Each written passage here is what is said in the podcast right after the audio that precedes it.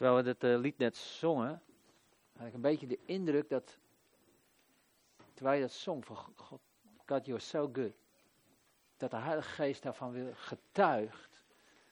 En dat het golven van de Geest, als het ware, hierin bewegen, om dit in je hart te laten landen. En ik heb de indruk dat sommigen van ons hier dit moeten laten landen. Kijk, je kunt het zingen met je hoofd. Je kunt het zingen, God, u bent goed, want je weet het, het staat in de Bijbel en dus is het zo. Het is altijd gezegd, dus is het zo, maar het in je hart te laten landen dat God goed is, is een ander ding. En ik geloof de Heilige Geest dat wil laten landen. Hij getuigt daarvan. En, en ergens, om het te gaan ontvangen, moet je misschien wel eventjes niet kijken naar je omstandigheden. Maar kijken naar Jezus. Mijn dochter die, uh, die leest een boek van Andrew Murray.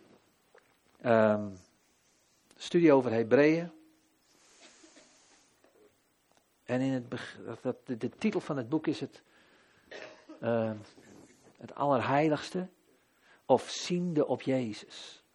En in de introductie zegt Andrew Murray dan ook van de reden, de, de schrijver, of hij zelf dus, was van mening dat er zoveel zwakheid in het huis van de Heer is, omdat men geen zicht heeft op Jezus. Niet echt zicht op Jezus. Op de verheerlijkte, verhoogde Jezus. En ik heb dit boek ook vaak gelezen en een van de beste boeken, studies over Hebreeën die ik ken. En toen ze dat weer voorlas aan mij, toen, toen dacht ik, ja, het is zo waar. Het is zo waar. We zijn zo vaak zo bezig met ons leven. Zo vaak zijn we zo bezig met onze omstandigheden, met ons werk, met ons gezin, met ons huis, met de tuin, met van alles. Dat we niet zien in die hemelse wereld. En zien Jezus. En ik denk dat het belangrijk is dat we dat laten landen, dat lied van Heer, u bent zo goed. Niet omdat u goed doet, maar omdat u het bent. Uw essentie. Het wezen van wie God is. Hij is goed. Voor wie hem vrezen. Voor wie hem erkennen. Voor wie hem. En het is die, uit zijn goedheid hebben wij dit het ontvangen. Alles wat Jezus voor ons is geworden. Het is belangrijk om het te realiseren.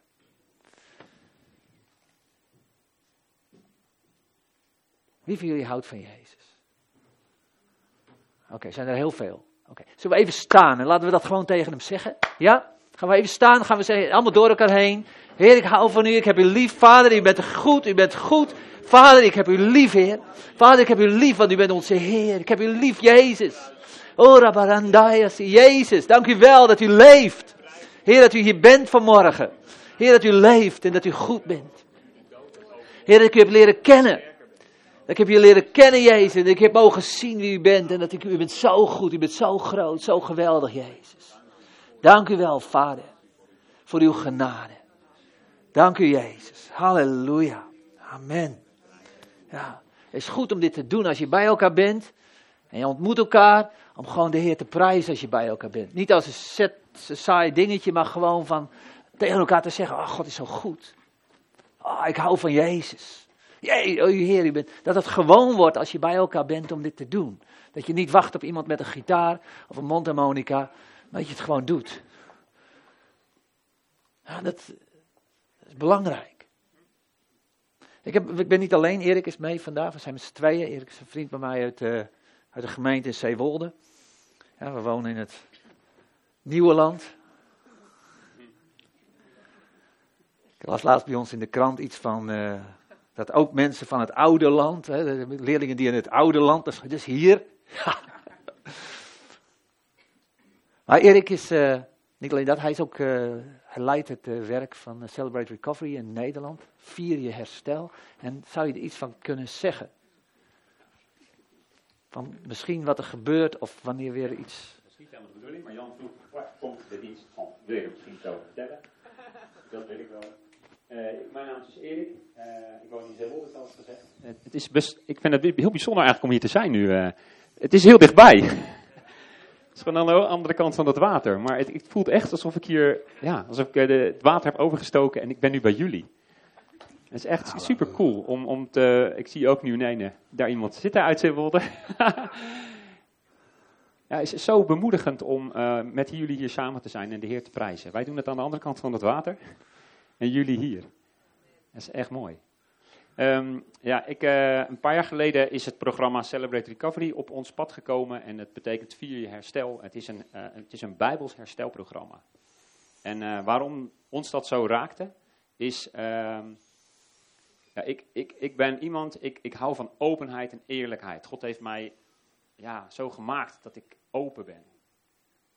En, en, uh, en ik hou van eerlijkheid. En ik geloof dat God ook wil dat we open zijn. Dat we eerlijk zijn naar elkaar het moment dat wij onze kwetsbaarheid durven te laten zien, als wij zeggen, Heer, ik, ik ben zwak, u bent sterk. Heer, uh, hier ben ik, dit zijn mijn zonden, ja, dan, dan is Hij trouw. En het programma Celebrate Recovery wil een plek zijn waar je, waar je in, in veiligheid uh, de issues deelt in je leven die je belemmeren tot groei. En ik geloof dat er zoveel dingen zijn in ons leven Misschien door uh, hoe je bent opgegroeid of de dingen die je hebt meegemaakt, die, die, die, ja, die, die blokkeren zeg maar, je groei als mens. En het programma Celebrate Recovery is er om dat samen in kleine veilige groepen eerlijk te zijn daarover. Een plek van waar je, waar je, waar je ja, de waarheid kan delen, waar je misschien je diepste geheimen kan delen. Er, het is heel bijzonder dat bij ons al vrij snel mensen hun, hun zeggen, wat ik nu ga delen, dat heb ik nog nooit tegen iemand gezegd. En ik geloof dat als dat gebeurt, als mensen de dingen in het licht gaan brengen, die in de duisternis zijn geweest, ja, dat, er dan, uh, dat God dan uh, grote dingen kan doen. Nou, en we zijn een Bijbels herstelprogramma, komen elke week samen, uh, op donderdagavond. en we doorlopen Bijbelse principes van herstel. Er zijn mensen bij ons die, die hebben jarenlang ja, hulp gehad van allerlei psychologen en psychiaters en uh, zeggen van ja, en nu uh, komt daar die bijbelse waarheid bij. En dat is totaal anders. En er zijn ook mensen die komen bij ons en die gaan na paar weken meteen ook het traject van psychologen erbij. Dus het is een, een intensief programma. Uh, en, ehm, waarbij God grote dingen doet. Dus eh, om de week hebben we eh, mensen die getuigen van, eh, van, van wat God heeft gedaan in hen door het programma Celebrate Recovery. Nou, ik hou het nu bij dit. Um, we houden ook open avonden, waar mensen gewoon welkom zijn om eens een avond mee te maken. We, we aanbidden, we hebben onderwijs, we hebben getuigenissen en daarna gaan we in kleine groepen uiteen. Maar als je de eerste keer komt, hoef je helemaal niks te delen. Je mag alleen maar kijken en luisteren om te kijken, denken, is dit wel wat voor mij? Of. Dus um, ja, we, we, zijn nu drie, dit is het derde seizoen. Ehm, dus het is heel dichtbij. Ja. Dit is uh, 20 minuutjes rijden en dan ben je in Zeewolde. Dus uh, nou, wie weet, welkom op donderdagavond. We hebben ook een website, www.celebraterecovery.nu www.celebraterecovery.nu Oké, okay. ja. mooi. Ja, de verhalen die ik terughoor, die zijn, dat doet God echt wel wonderen. Dat... Daarom dacht ik, ik denk, leuk, omdat we zo dichtbij zitten. Het is oud en nieuw, maar ach, verder is het zo dichtbij. hey, uh, we gaan lezen Filippenzen, hoofdstuk 2.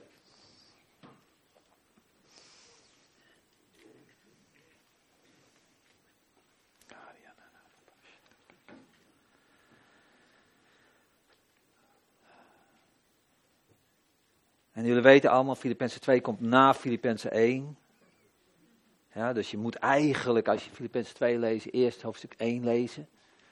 En dan begin ik ook nog eens bij vers 5 en dan moet je het eigenlijk daarvoor wel lezen. Dus dat moet je thuis even doen. Dat is uh, goed zo.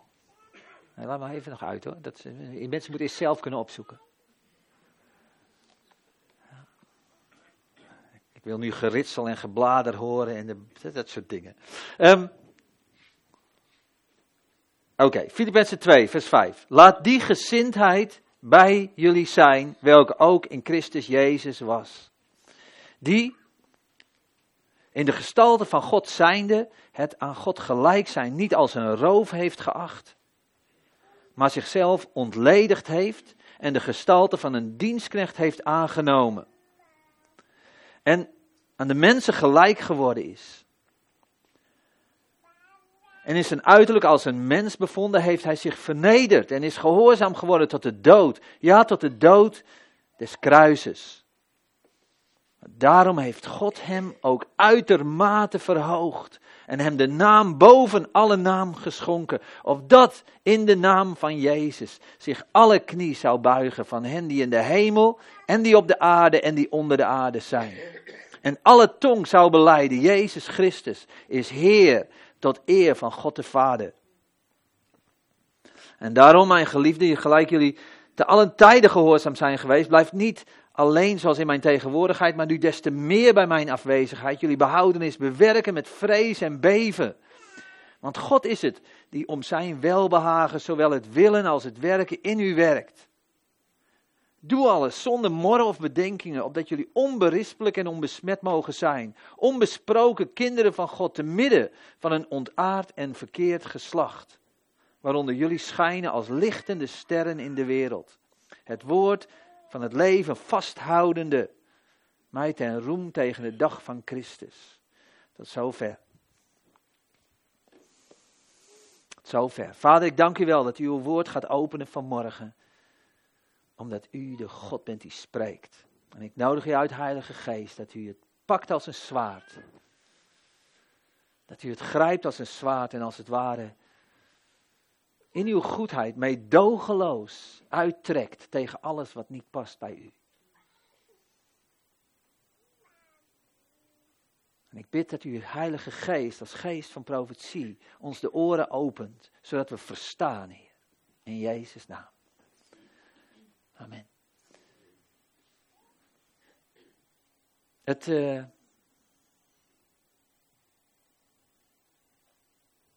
hier wordt in dit stuk schetst Paulus eigenlijk hoe Jezus is. En het is, een heel bekend stuk. Sommigen kennen het misschien wel uit, uit het hoofd. Ja? Dit zou zo'n stuk zijn wat je uit je hoofd zou kunnen gaan leren. Zeker vers 5 en 6 en 7. En dat je weet, dat je weet hoe Jezus is. Maar als je nou Johannes, de brief van Johannes leest, dan staat er van, als jij nou zegt dat je een volgeling van Jezus bent, moet je ook zo leven. Dan komt het opeens dichtbij. En dat is wat Paulus hier ook zei. Laat die gezindheid, die mindset, die manier van denken, die manier van, eigenlijk dat waardepatroon van Jezus, laat dat in jou zijn. Als je een volgeling van Jezus bent.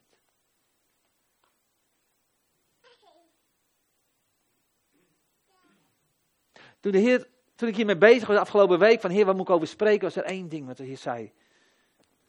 Lege vaten. Oh ja, Teus. Denk trouwens, moet ik even aan denken. Ik heb weer meegenomen voor je. Ja, hij is, hij is leeg, hij is schoon. Ik heb geen nieuwe voor je meegenomen. Nee, maar ik doe het in geloof, weet je wel. Ik geloof dat er van het zomer weer heel veel bramen groeien. Absoluut, dat geloof ik ook, Jan. Heb je, heb je ruimte voor meer? Ik heb iets meer geloof. Kijk, hier hebben, hier hebben trouwens bo- boosjes in gezeten. Oh jee. Frambo frambozen, ik weet Super, Jan. Ja? Heb je ook kleine beetjes? Prijs de Heer. ik gooi hem wel in de bak. Oh, Kleine. Die kleine, Winter. dat is voor een speciale badge. Oh. Nou, ik zal hem vullen voor jou. Kijk maar wat je... Dit is, voor, dit is voor als het pittig moet zijn. Nee, maar... maar oh, gekker op stokje. Dit, ik, kijk, ik, dan weet ik, Teus, ik heb heerlijk genoten van je jam trouwens. Maar ik weet dat dat potje moest leeg zijn voordat hij die sham erin kon doen, toch? Kijk, dit ene potje, daar heeft salsa saus in gezeten. Lekker pittig, maar daar doe je geen sham in als er ook nog salsa saus in zit. Denk ik. Ja, maar ook als de, de deksel gebruik ik er ook niet van. Dus dan niks. Oké. Oké. Kijk, dat is het probleem. Dat is het probleem. Als er iets achterblijft van het oude, dan werkt het niet, hè? Kijk, er staat een verhaal in de Bijbel. En dat verhaal eh, is op een gegeven moment in 2 Koningen 4. Waar op een gegeven moment een profeet, een, een, profeet is over, uit, een, groep die met Elisa optrok. Is een profeet, was gestorven. En die vrouw komt naar Elisa toe en zegt, ik Elisa, nu heb ik een probleem. Want mijn man is gestorven, uw knecht, dat was een profeet. En ik heb schulden.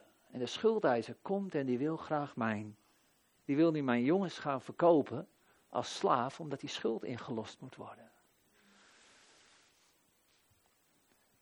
Elisa die, die vraagt van wat heb je in huis? En ze zegt niets. Behalve een klein beetje olie. En dan zegt hij het volgende: Ga en verzamel zoveel mogelijk lege vaten. Laten het te veel zijn, niet weinig, en laten ze leeg zijn. Dus zo zegt, zo gedaan. Dat doet ze. Ze sluit zich op in huis. En ze begint te gieten met die olie in die vaten die ze verzameld had, die leeg zijn. En als ze dan bezig was met gieten, zegt ze tegen de jongens: Oké, deze is vol, zet die even weg, pak even een nieuwe. En dan giet ze door. En dan giet ze door. En op een gegeven moment zegt ze dat weer: van oké, deze is vol, is er een nieuwe. En dan zegt hij: Ja, maar dat hebben we niet meer. En dan houdt de olie op te stromen. Nou, wat ze heeft is genoeg om te verkopen, om haar schulden te betalen en van te leven. Nou, dat is op zich deel van de voorzienigheid van God. God zorgt voor ons. Maar het vroeg natuurlijk wel iets van geloof, doordat zij zegt: Ik heb een kruikje olie thuis. En dan de jongens naar de buren te zeggen: Wil je alle vaten verzamelen? Net als dat ik zo van: al die, al die potjes en. Ja, maar thuis heeft helemaal geen bramen nu. Snap je? Maar iets van geloof ja, maar God heeft gesproken, hij gaat iets doen. Maar die vaten moesten leeg zijn. Veel en leeg. En dat zegt iets van wat God wil doen, wat God, wil, wat God zoekt, wat God wil doen. Ik was de afgelopen, ik denk anderhalf week geleden, ik was in gebed en op een gegeven moment vroeg ik aan de Heer van Heer, ik wil graag meer van uw geest. En de Heer zei tegen me, Jan, de grens ligt hem niet bij mij. De beperking zit hem niet aan mijn kant. En ik realiseer me, nee, het zwaard ligt hem aan mijn kant. Het ligt hem aan mijn kant. En, en God zoekt gewoon om, om leeg te zijn voor de Vader. En daar, daar praat ik dus niet over een of andere boeddhistische theorie. Want daar zit dat ook in. Ja? En voor een, kijk, in veel van dat soort godsdiensten hebben ze iets gepakt, maar nooit de rest gesnapt van het evangelie. In het boeddhisme is het inderdaad ergens iets van: oké, ik ben slecht en daar moet ik van af. En hoe kom ik daar van af? Ik moet mezelf ontledigen. Ik moet alles kwijt van mezelf. Dat, was eigenlijk, dat is eigenlijk de boodschap van het boeddhisme. Ik moet mezelf kwijt. En de hoogste mensen in het boeddhisme, die zijn ook mensen die gewoon zitten, dat was die beste meneer Boeddha, die, daarom heet hij ook Boeddha geloof ik, hij was, had een eigen naam. Maar die zat onder een boom te mediteren en zodat hij helemaal op een gegeven moment niks meer dacht en niks meer was en niks meer bewoog. En er zijn op een gegeven moment, dit soort mensen zijn op die manier overleden, omdat ze in een grot waren opgesloten om niks meer te zijn. En op een gegeven moment waren ze ook niks meer. Kijk, dat stuk hebben ze misschien te pakken van, hé, hey, we moeten op een of andere manier, we komen niet los van die zonde in ons binnenste. We komen niet los van wat wij dan in het evangelie noemen onze oude mens, ons vlees. Maar ze herkenden niet het opnieuw geboren worden. Dat Jezus gekomen is om ons nieuw leven te geven.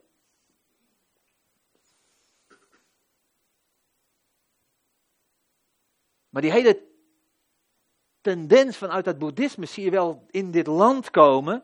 Waar mensen zeggen, ik heb het druk, ik heb het druk, ik heb het druk, ik moet een moment van rust vinden. En ze gaan mediteren en ze gaan yoga doen. En ze, maar dat komt allemaal daar vandaan. Maar het is niet het evangelie. Want wat er gebeurt op die manier, als je op die manier probeert leeg te maken, dan krijg je een leeg huis waar de duivel wel wijs mee weet. Dan zie je op een gegeven moment mensen gebonden geraakt worden door demonische geesten die binnenkomen in die leegte. Maar het is niet de geest van God. En dat bedoel ik dus ook niet als we het over hebben dat Jezus zich ontledigd heeft. Maar wat is, wat is, wat, wat, wat is dat dan? Hoe, hoe maak je jezelf leeg? En waar ben je soms vol van? Dat is de eerste vraag eigenlijk. Waar ben je soms vol van? Sommige mensen kunnen vol zijn van een voetbalwedstrijd. Kunnen vol zijn van een huwelijk wat staat te komen. Of kunnen vol zijn van een babytje wat geboren is. Je kunt ook vol zijn van je zorgen. Ja? Waar ben je vol mee vanmorgen? Wat vult jouw leven? Is het je studie? Is het je werk? Zijn het je ambities?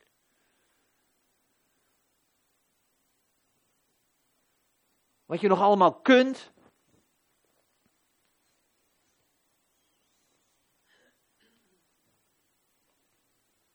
Waar ben je vol mee?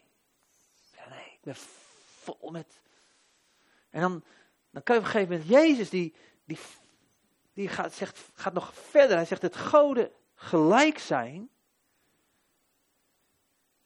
heeft hij niet voor zichzelf gepakt. Hij dacht niet, mooi, ik ben de zoon van God. Ik heb alle gaven van de geest. Ik heb een geweldige bediening. Oh, nou. Hij was daar niet mee bezig. Hij zocht niet de grote bediening. Hij zocht niet zichzelf ten diepste. En dat is namelijk ten diepste wat er vaak onder al die andere dingen waar we vol mee zitten, zitten we vol met onszelf.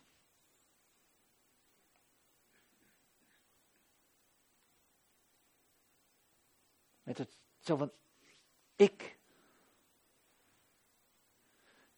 En we weten het aan de buitenkant allemaal religieus te zeggen, maar van binnen gaat het zo heel vaak om ik.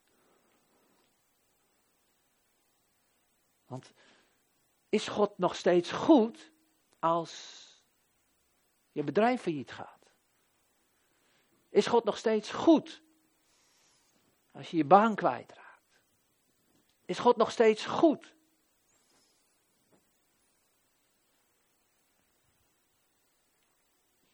als jij niet die promotie krijgt, maar iemand anders die veel minder goed als jij is. Wel, is God nog steeds goed? Als iemand in de gemeente uitgenodigd wordt om te spreken en jij niet, terwijl jij dat zo graag wil, is God nog steeds goed? Snap je die? Hoe vaak gaat het om mij? En ten diepste denk ik dat als je leeg wil worden voor de Vader, dat het daaraan schort. Niet zozeer aan al die andere dingen, maar aan mij. Kijk, het doel van die potjes, die thuis, als ze goed zijn, is niet zozeer dat die potje, het gaat niet om die potjes, het gaat om de vruchten die daarin komen, die gedeeld worden met anderen, zodat ze het kunnen eten. En dat is het doel wat God met jouw leven heeft. Hij wil graag iets doen in jouw leven. Hij wil vruchten in jouw leven tevoorschijn zien komen, zodat hij jou kan delen met anderen die het kunnen eten. Ik heb nooit gedacht hè, dat het profetisch was wat jij aan het doen was. Prophetic act, sir.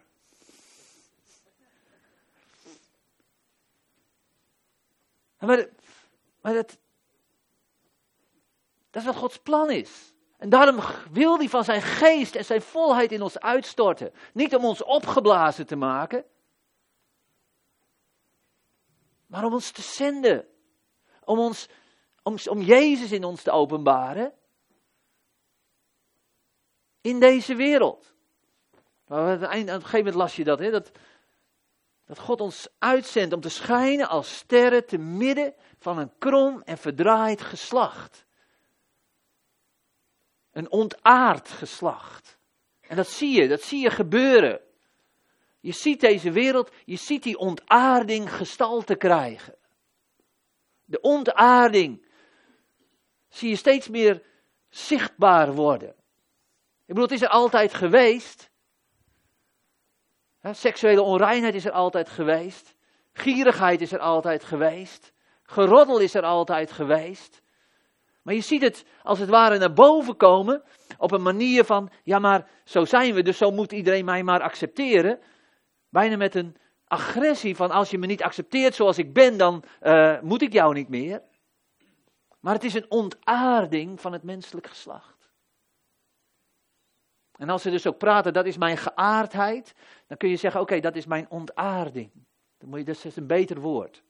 Dat is mijn ontaarding.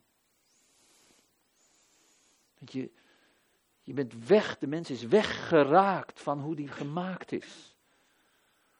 En te midden van dat geslacht heeft God ons opnieuw geboren laten worden.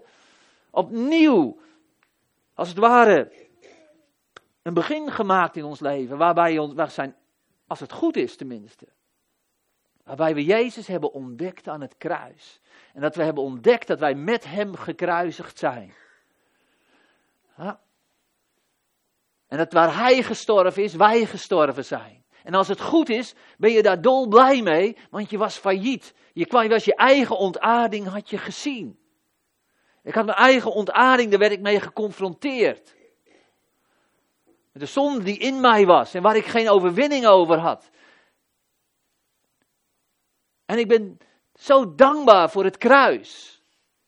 Waar niet alleen mijn zonden verzoend zijn, maar waar ik met hem gestorven ben. Waar een eind is gemaakt. Het enige mogelijke eind wat er maar mogelijk is voor de zondige mens, en dat is de dood. De ziel die zondigt zal sterven, zegt het woord van God. En daar is God nooit op teruggekomen. En dus die, dat kruis, daar ben ik met Jezus gestorven. Daar, toen hij stierf, stierf Jan. En ik ben er zo blij mee. Want Jan was het leven niet waard om te leven. Ik weet dat ik nu, maar dat was echt waar. Het was een ontaard leven. Aan de buitenkant fatsoenlijk, maar aan de binnenkant was het verkocht onder de zonde, zoals de Bijbel zegt, oftewel bedorven. Maar toen Jezus kwam en dit deed, en stierf van dat kruis, nam hij mij mee in die dood. En daar waar ik, zegt Romeinen, daar waar ik samengegroeid ben met hem in zijn dood. Romeinen 6 vers 5. Waar ik één plant ben geworden met hem in zijn dood. Waar ik dat heb omarmd. En waar het dus niet meer om mij gaat. En niet meer om hoe Jan van den Akker eruit komt. Niet meer om mijn bediening. Niet meer om mijn carrière. Niet meer om mijn welzijn. Maar het gaat om Jezus. Dan kom je die plek dat er ruimte begint te komen. Dat God zegt: Oké, dan kan ik ook mijn geest in jou uitstorten. Maar in Genesis op een gegeven moment God zegt namelijk van, mijn geest zal niet altijd in de mens zijn, want er was zoveel bederf. En dan zie je door het Oude Testament, zie je dat Gods geest op mensen komt en van alles doet. Maar je ziet nu, nu pas weer, na het sterven van Jezus, dat Gods geest weer in de mens zou komen. Die opnieuw geboren zijn. Dat hij dat wil vervullen. Daar waar mensen zelf leeg geraakt zijn van zichzelf. En bereid waren zichzelf op te geven, kon God komen met zijn volheid. Die kon hij vervullen met zijn geest. Het waren lege potjes. Waarin het, de olie kon stromen. En God kon ze zenden. Petrus is zo'n voorbeeld. Petrus ging failliet.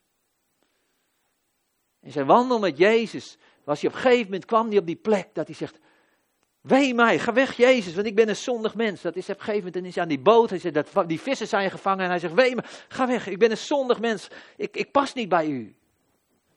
En Jezus, die gaat eraan voorbij en die zegt, nee. Maar het blijft in Petrus zijn leven en later als hij Jezus verloochend heeft, dan, dan weent hij bitter, want er is, Oh, dat dat in zijn hart was. Hij had gezegd: Nee, als iedereen u verlaat, ik het niet. En hij. En dan ziet Jezus hem later. En zegt hij: Petrus, heb je me lief? Oef. Petrus, heb je me lief? Heb je me werkelijk lief? En, en dat, zo'n vraag, dat gaat zo die kun je niet tegenhouden. Die is zo scherp. Als Jezus vanmorgen nou aan je vraagt, heb je mij lief? Meer dan deze. Meer dan jezelf. Heb je mij lief? En daar kun je ook niet een snel antwoord op geven. Tuurlijk kun je nu op gaan staan en zeggen, tuurlijk, ja Jezus, ik heb je lief. Maar, dat gaat dieper. Heb je hem lief meer dan jezelf?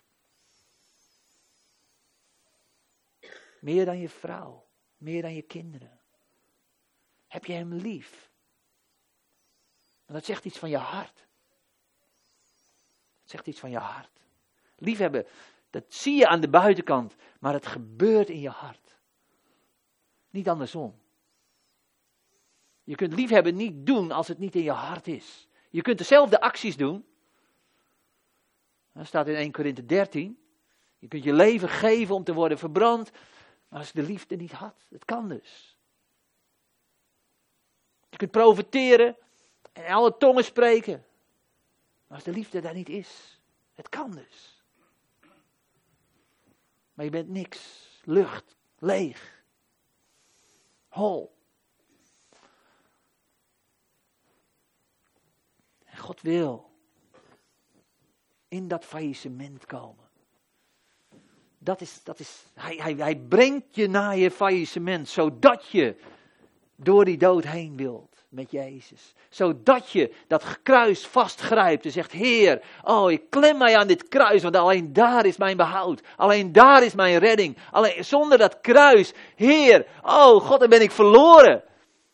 En niet alleen dat u mijn zonde verzoend hebt en ik ga maar weer verder in mijn leventje en als ik dan weer wat fout heb. Dus, nee, het gaat veel dieper. Het gaat om het sterven met Jezus. Het gaat om het met Hem in die plek komen. En laat die gezindheid bij je zijn. Dat het niet meer om jou gaat. Want zo kwam Jezus naar deze aarde. Het ging niet meer om Hem. Jezus kwam naar de aarde omdat Hij de Vader lief had. En tegen de vader zei: Vader, u hebt al die offers nooit gewild, maar u hebt mij een lichaam gegeven. Hier ben ik. Zend mij. En dan zie je ook dat als Jezus op de aarde is, dat hij voortdurend niet bezig is met de mensen om hem heen, maar hij is bezig met de Vader. En dan ziet hij die mensen wel. En hij ziet ze als een, als een kudde. En ze hebben geen herder. En ze jagen heen en weer. En ze zijn, ik bedoel, net of hij profetisch naar onze tijd keek. De drukte van de mensen en het heen en weer jagen en het maar bezig zijn en bezig zijn en bezig zijn. En ze waren afgemat en afgepeigerd hier en daar. Van allerlei dingen die ze deden. En ze hebben geen herder, zegt Jezus. En hij huilde over ze. Maar hij liet zich daar niet door afleiden. Hij bleef doen wat hij voor de Vader zou doen. Want hij wist dat waar ik, als ik luister naar de Vader, als ik doe wat hij zegt, dan gaat de Vader gaat zijn geest uitstorten over deze mensen. Daar heeft hij het ook over, als hij met zijn vrienden praat. De geest die de Vader belofte. Hij zal de Vader belofte, zal de, de Vader zal de belofte geven die hij geleefd heeft. Dat voor het eerst sinds eeuwen weer zijn geest in de mens zou wonen. En dat wij kinderen van God zouden zijn. Niet meer gewoon, ik ben ook maar een mens. Dat ik ben ook maar een mens is gestorven met Jezus. Ik ben een kind van God geworden. Ik ben mens 2.0. Een nieuwe schepping. Een nieuwe mens. Alleen nog in een lichaam wat nog niet verheerlijkt is. Maar van binnen. En daar waar jij gestorven bent met Jezus, kan ook het leven van Jezus openbaar worden. Waar, daar waar jij vasthoudt aan jezelf, zal Jezus niet zichtbaar worden. Dat is eigenlijk de boodschap van vanmorgen. Daar waar jij jezelf wil vasthouden en jezelf wil handhaven, zal Jezus niet gezien worden, maar jij of u.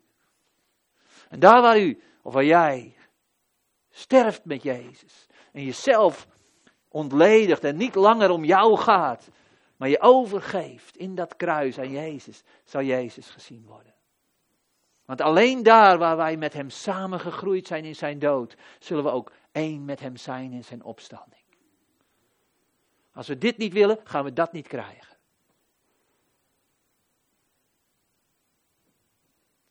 En sommigen moeten even uit hun religieuze paadjes wakker geschud worden vanmorgen. Het wandelen met Jezus gaat er niet om dat je zegt, nou oké, ik heb uh, dat je een turflijstje. Ja, oké, ik uh, ben tot bekering gekomen. Ik heb me laten dopen. Is met mij gebeden voor de doop in de Heilige Geest. Ik ga elke zondag naar de gemeente en nu heb ik een ticket naar de hemel. -uh, daar gaat het niet om. Want dat gaat allemaal om jou. Laat die gezindheid in je zijn, die ook in Christus was. Die het niet als een roof heeft geacht van het gaat om mij, maar die zichzelf heeft leeggegoten. Ik vond het zo'n mooi getuigenis van dat je gewoon het gaat kijken van Heer, aan wie wilt u dat ik dit vandaag geef? En op die manier wil de Heer jullie deze wereld inzenden. Morgen, vandaag al, vanmiddag. Heer, aan wie wilt u dat ik mezelf geef? Aan wie wilt u dat ik de liefde van u ga uitdelen die u mij gegeven hebt? Aan wie wilt u, vader? Krijg je heel verheven een beeld van een. Oh, oh, nee, dan is het gewoon je vrouw. Mevrouw, ja, die moet ik gewoon ook al lief hebben.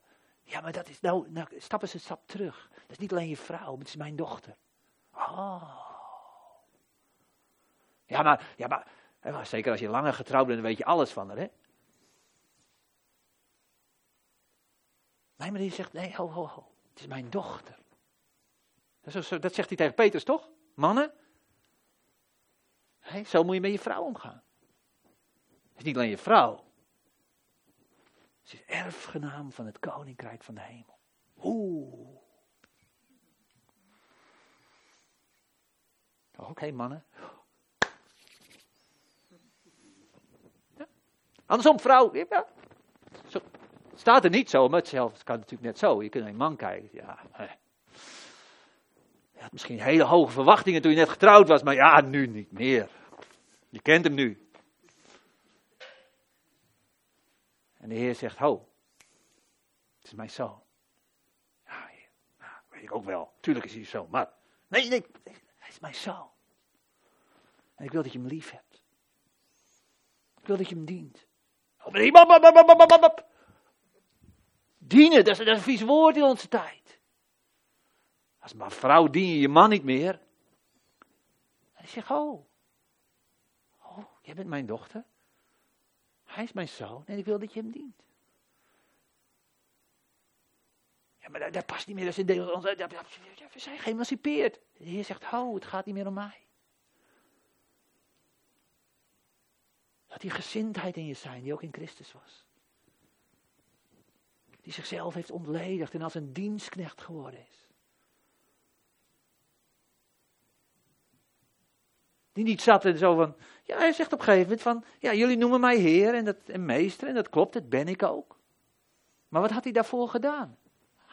Hij had zijn, zijn nette kleren uitgedaan, hij had de voeten gewassen van zijn discipelen. En hij zegt dus ook van, dat is dus zoals ik ben. En dat is wat ik wil dat jullie doen.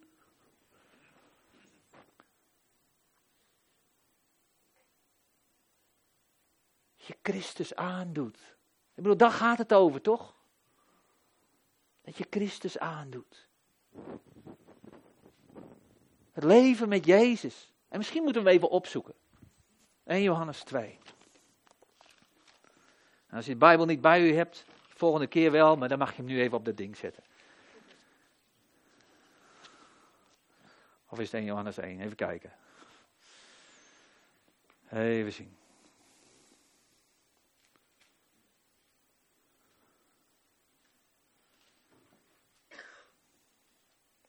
Ja, 1 Johannes 2, vers 6.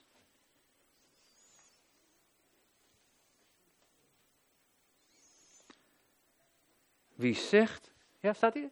Ja, kijk. Wie zegt dat hij in hem blijft, behoort ook zelf zo te wandelen als hij gewandeld heeft. En dat, dat, hier staat niet achter. Dit is, dit, even, even, even tekst uitleg. Dit betekent niet dat we nu morgen allemaal een ticket naar Israël boeken. Dat we sandalen kopen en een witte jurk en dat we daar gaan lopen. Dat betekent dit niet. Nou, sorry, betekent het niet. Het betekent dat we Christus aandoen. De gestalte, de, het, denken, het wezen van Jezus. Dat, als je namelijk de Heilige Geest wil, hè, stel je voor, je wil vervuld worden met de Heilige Geest. Je wil vol van de Heilige Geest zijn. Wat zal de Heilige Geest doen? Hij zal Jezus openbaren. Ja, nee, maar hij komt toch met de gave van het profeteren? Ja. Hij komt toch met tongen spreken? Ja. En wonderen van genezing en krachten? Ja. En kennen, woorden van kennis en wijsheid? Ja, allemaal. Het is allemaal de Heilige Geest, de kracht van de Heilige Geest. Ongelooflijke kracht van God. Die, hij, die, die zichtbaar geworden is toen Jezus opstond uit de dood. Daarvan die kracht, die wil God in zijn huis kwijt. Die wil hij in zijn lichaam kwijt. Maar zolang hij zegt van, oh, ik wil ook in tongen bidden, want dat doet die anderen ook. Ja, dat, dat is heel, het is goed om daarna te verlangen om in tongen te bidden, want God heeft het voor jullie allemaal. Allemaal. Als je wil, kan je het ontvangen. Net als profiteren, je kunt allemaal profiteren. Ben je niet allemaal het ambt van een profeet, maar je kunt allemaal profiteren. Als de Heilige Geest in je komt, kan hij tot je spreken en hij kan door jou heen woorden spreken naar anderen. We hebben niet allemaal de, misschien de bediening van genezing, maar we kunnen allemaal op zieken de handen leggen. Marcus hoofdstuk 16. Het zijn al die dingen van de Heilige Geest die God wil geven in zijn lichaam. Want hij wil dat Jezus openbaar wordt in zijn huis. Dat is het verlangen van de Vader. Hij wil dat Jezus openbaar wordt in zijn huis. Maar het begint met het kruis. En dat je leeg wordt van jezelf. Want God gaat zijn geest niet uitstorten op iemand die denkt van, mooi, dat kan ik ook weer bijschrijven. Ja, ik spreek ook in tongen. Ja, en dan link je erbij. Ik kan ook profiteren. Ja, iemand geneest toen ik bad. Oh, kijk, ik, mijn schoenen kunnen net niet hoger, maar, snap je? Dan, ga je? dan gaat het om jou. En dan ga je merken dat de Heilige Geest niet meer stroomt. Dan gaat het om jou. Dan begeer je de gave, maar dan is het wezen nog egoïstisch. En Jezus, die had de volheid van God in hem. Hij heeft het niet als een roof geacht, maar hij begon het uit te delen. Hij vroeg niet eens geld voor zijn samenkomsten. Hij vroeg er niet eens geld voor als mensen bij hem kwamen, midden in de nacht, om te vragen over dingen. Daar ging het hem niet om. En laat die gezindheid in je zijn, die in Christus was. Want dan zijn je leeg voor de Vader, zodat Hij je kan vullen met Jezus. Met de geest van Jezus dan kan Jezus zichtbaar worden in jou. Sommige dingen die in dat potje zitten, waarvan onszelf zijn, wat soms dat deksel vastzet, zijn theologische redeneringen, van, maar die niet van God zijn. Jullie hebben 5 april een doopdienst, zag ik. En dat dopen is niet een of ander religieus theater is niet een of ander symbolisch iets. Niet alleen maar van, nou, symbolisch ga ik het. Ja, ik wil ook bij de kerk horen, ik wil ook bij de gemeente horen. Dus iedereen doet dat hier, dus ik doe het ook. Uh Dat dopen is dat je ontdekt hebt dat jij wil sterven met Jezus. En dat je dat leven af wil leggen en zeggen dat is voorbij. Ik ben er zat, ik ben er klaar mee. Ik keer me ervan af. Ik wil in die dood gedoopt worden. Ik wil één zijn met Jezus in zijn dood. Want ik wil dat nieuwe leven van Hem ontvangen. Dat niet meer mijn ik, maar Christus in mij leeft. En het evangelie is zo simpel. En we hebben het gestopt in boxjes, in, in, in theorieën, maar hey, dit is gewoon de praktijk. Dit is het leven door de geest, waar God ons toe uitnodigt. En daarvoor heeft hij lege vaten nodig. En de geest van God wil wel stromen in dit land. Maar waar zijn de lege vaten? Waar zijn ze? Waar zijn ze? Mensen die, die eigenlijk voortdurend lek zijn. En dan komt de Heilige Geest met zijn volheid en dan stroomt het gelijk weer naar anderen toe. Zeg, Heer, ik heb meer nodig, want het stroomt naar anderen. Ik heb meer nodig en er is een voortdurende stroom. Niet een keer een druppel en nu is het klaar. Sorry, dat zijn met die potjes wel zo. Als je kijkt in de profetische beeld in Zacharia, dan zie je op een gegeven moment dat er een stroom van olie is die naar de lampen gaat van de kandelaar. En die lampen die schijnen. En die gebruiken die olie om te schijnen. En die stroom gaat door. De lampen raken niet re. Die, die overstromen niet op de verkeerde manier. Maar dat het wordt gebruikt in, het le in, in die duisternis om hen heen. En zo wil God je uitzenden. Dat, zijn verlangen. Hij ziet jullie hier zitten. Hij zegt: Ik verlang naar jullie. Dat jullie je ontledigen voor mij. Zodat ik je kan vullen met mij. En dat je kan uitzenden als een licht in deze wereld. Dat je je kan uitzenden. Dat je zo wandelt zoals Jezus wandelde. Niet gericht op jezelf, maar gericht op Jezus. Gericht op de Vader. Want uit Hem en door Hem en tot Hem zijn alle dingen. En dan zingen we, vul dit huis met uw glorie, vul dit huis met uw glorie. Het gaat helemaal niet om Stroud.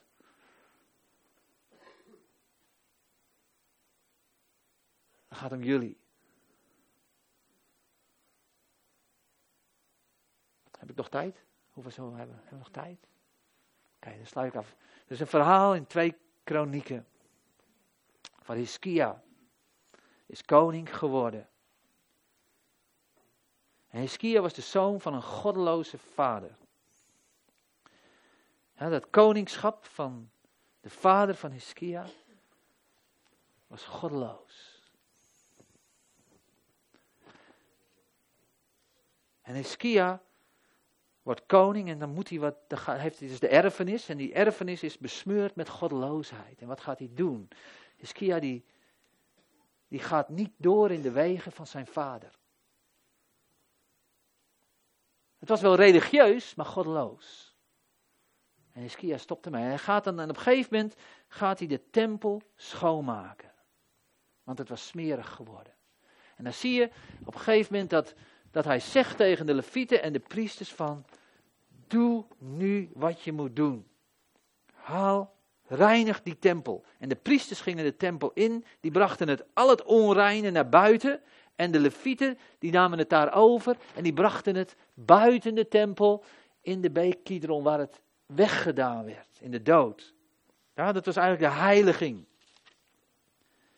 En soms denk ik dat wij daar ook zitten. Dat de tempel van de Heer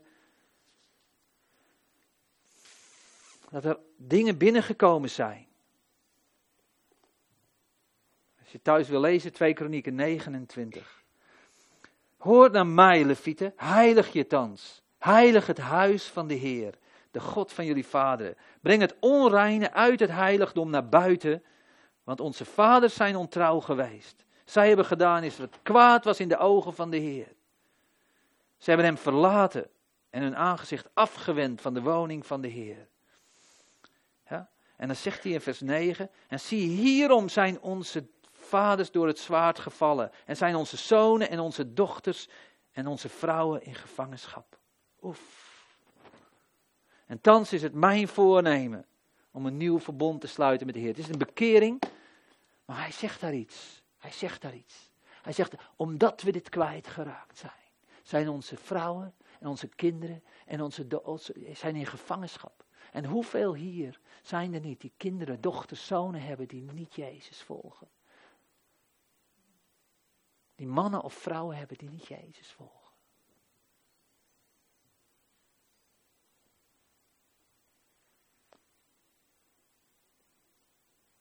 Die dingen meegemaakt hebben in hun familie vanwege ongoddeloosheid en ongerechtigheid.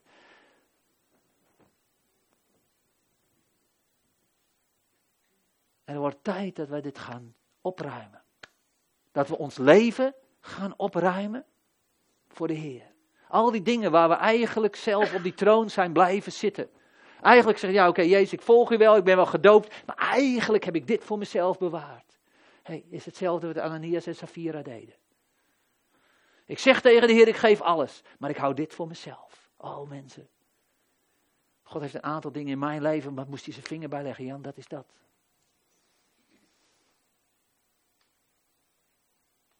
En ik geloof dat hij bij sommigen hier de vinger erbij legt. Hey, wil je de gezindheid van Christus aandoen? Wil je Christus aandoen? Ben je bereid om echt te sterven aan jezelf? Ja, maar mijn ambities dan? Oké, die kunnen passen keurig aan dat kruis. Ja, maar mijn toekomst dan? Oh, dat is in datzelfde kruis. Ja, maar in datzelfde kruis. Met Christus ben ik gekruisigd. Want daar ligt je verlossing. En er zijn te veel christenen die het wel zeggen, maar het niet leven. Er zijn te veel mensen die, die braaf in de kerk zitten en alles zingen, maar hun leven teken, is niet getekend door het kruis. En daarvan zegt Paulus op een gegeven moment, die met een schijn van godsvrucht de kracht verlogenen.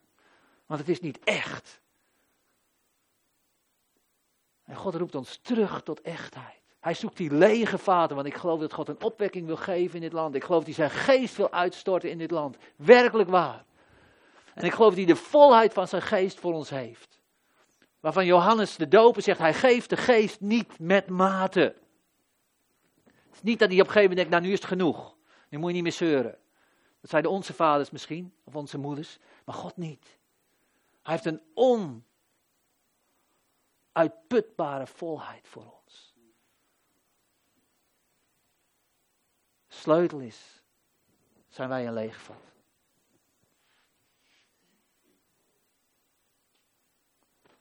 Want, hè, een van die zaten boontjes in. Zijn de boontjes eruit? Ben je afgewassen? Ben je gewassen? Zelfs het deksel met alcohol misschien uitgespoeld. Ben je gestorven aan jezelf?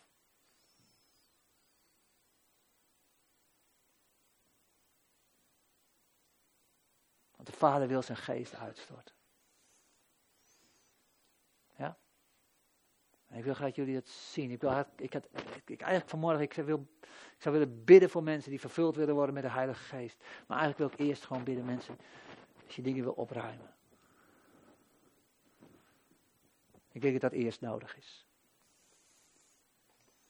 Mensen die weten van ja, wacht even, ik heb wel een shampootje, maar er zit nog van alles in wat niet past bij de Heer. Daar kan hij zijn vruchten niet bij indoen. Ja? En Heer, ik nodig u uit dat u tot ons spreekt, ieder persoonlijk. Ieder persoonlijk. Vader, dat u tot ons spreekt. Want u weet waar onze potjes vol van zijn. En ik bid dat u ons meeneemt. En dat u ons weer Jezus laat zien, die zichzelf niet geacht heeft, die zichzelf ontledigd heeft. Leeg gegoten heeft in de dood, zodat wij daar de één mee konden zijn. Ik bid, Vader, dat u tot ons spreekt vanmorgen. Zoals u sprak tot de levieten en de priesters. Van ga in die tempel en alles wat onrein is, haal het eruit. Want het past niet meer in het huis van de Heer. En bij sommigen zijn er echt zonden. De Heer wijst zonden aan in sommige van jullie leven. En de Heer zegt, het is genoeg geweest. Je moet ermee breken. Je moet je ervan afkeren. Het feit dat je eraan vastzit, betekent, komt omdat je het lief hebt en het niet haat. Mijn kind, het is tijd dat je de zonde gaat haten. Want dat is wat ik in jou kan doen. Maar je moet ermee willen breken. Bij sommigen zijn het niet zonde. Maar zijn het allemaal eigen dingen. Eigen plannen. Eigen ambities. Eigen ideeën. Net als Petrus die op een gegeven moment, ja, Jezus was er niet meer en zegt, nou ik ga wel vissen, want ik moet toch iets doen in mijn leven. En bij sommigen van jullie zijn aan het vissen, terwijl de Heer dat niet voor je heeft. Ben je bereid de netten op te ruimen en ermee te stoppen. En je leven aan Jezus te geven. De dingen op zich zijn misschien niet slecht, maar het is niet Gods plan voor jou. En dat weet je.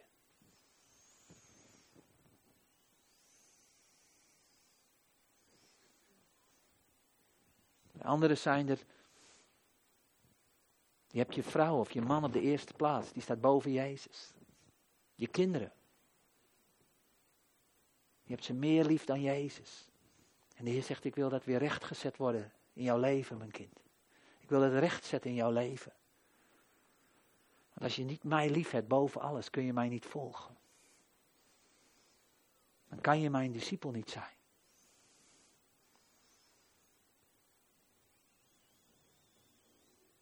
Als je niet haat je eigen leven in deze wereld, zegt Jezus. Bij sommigen is dat gewoon aan de orde. Je bent zo tevreden met jezelf dat er geen ruimte is voor Jezus. Ja? Het zijn allemaal dingen. En de Heilige Geest zijn meer dingen die de Heilige Geest aan jullie vertelt. En als de Heer dingen tegen je zegt, dan wil ik je uitnodigen om te gaan staan waar je bent. Als de Heer tot je gesproken heeft, wil, je gaan staan, wil ik eigenlijk dat je gaat staan voor, de, voor Hem. Tenminste, als je er ook wat mee wil gaan doen vandaag. Als de Heer tot je gesproken heeft, je hebt zegt, ja, maar daar ga ik niks mee doen. Blijf dan vooral zitten, want dan, dan sluit je jezelf af voor wat Hij wil doen. Ja, maar als de Heer tot je gesproken heeft, ga even staan.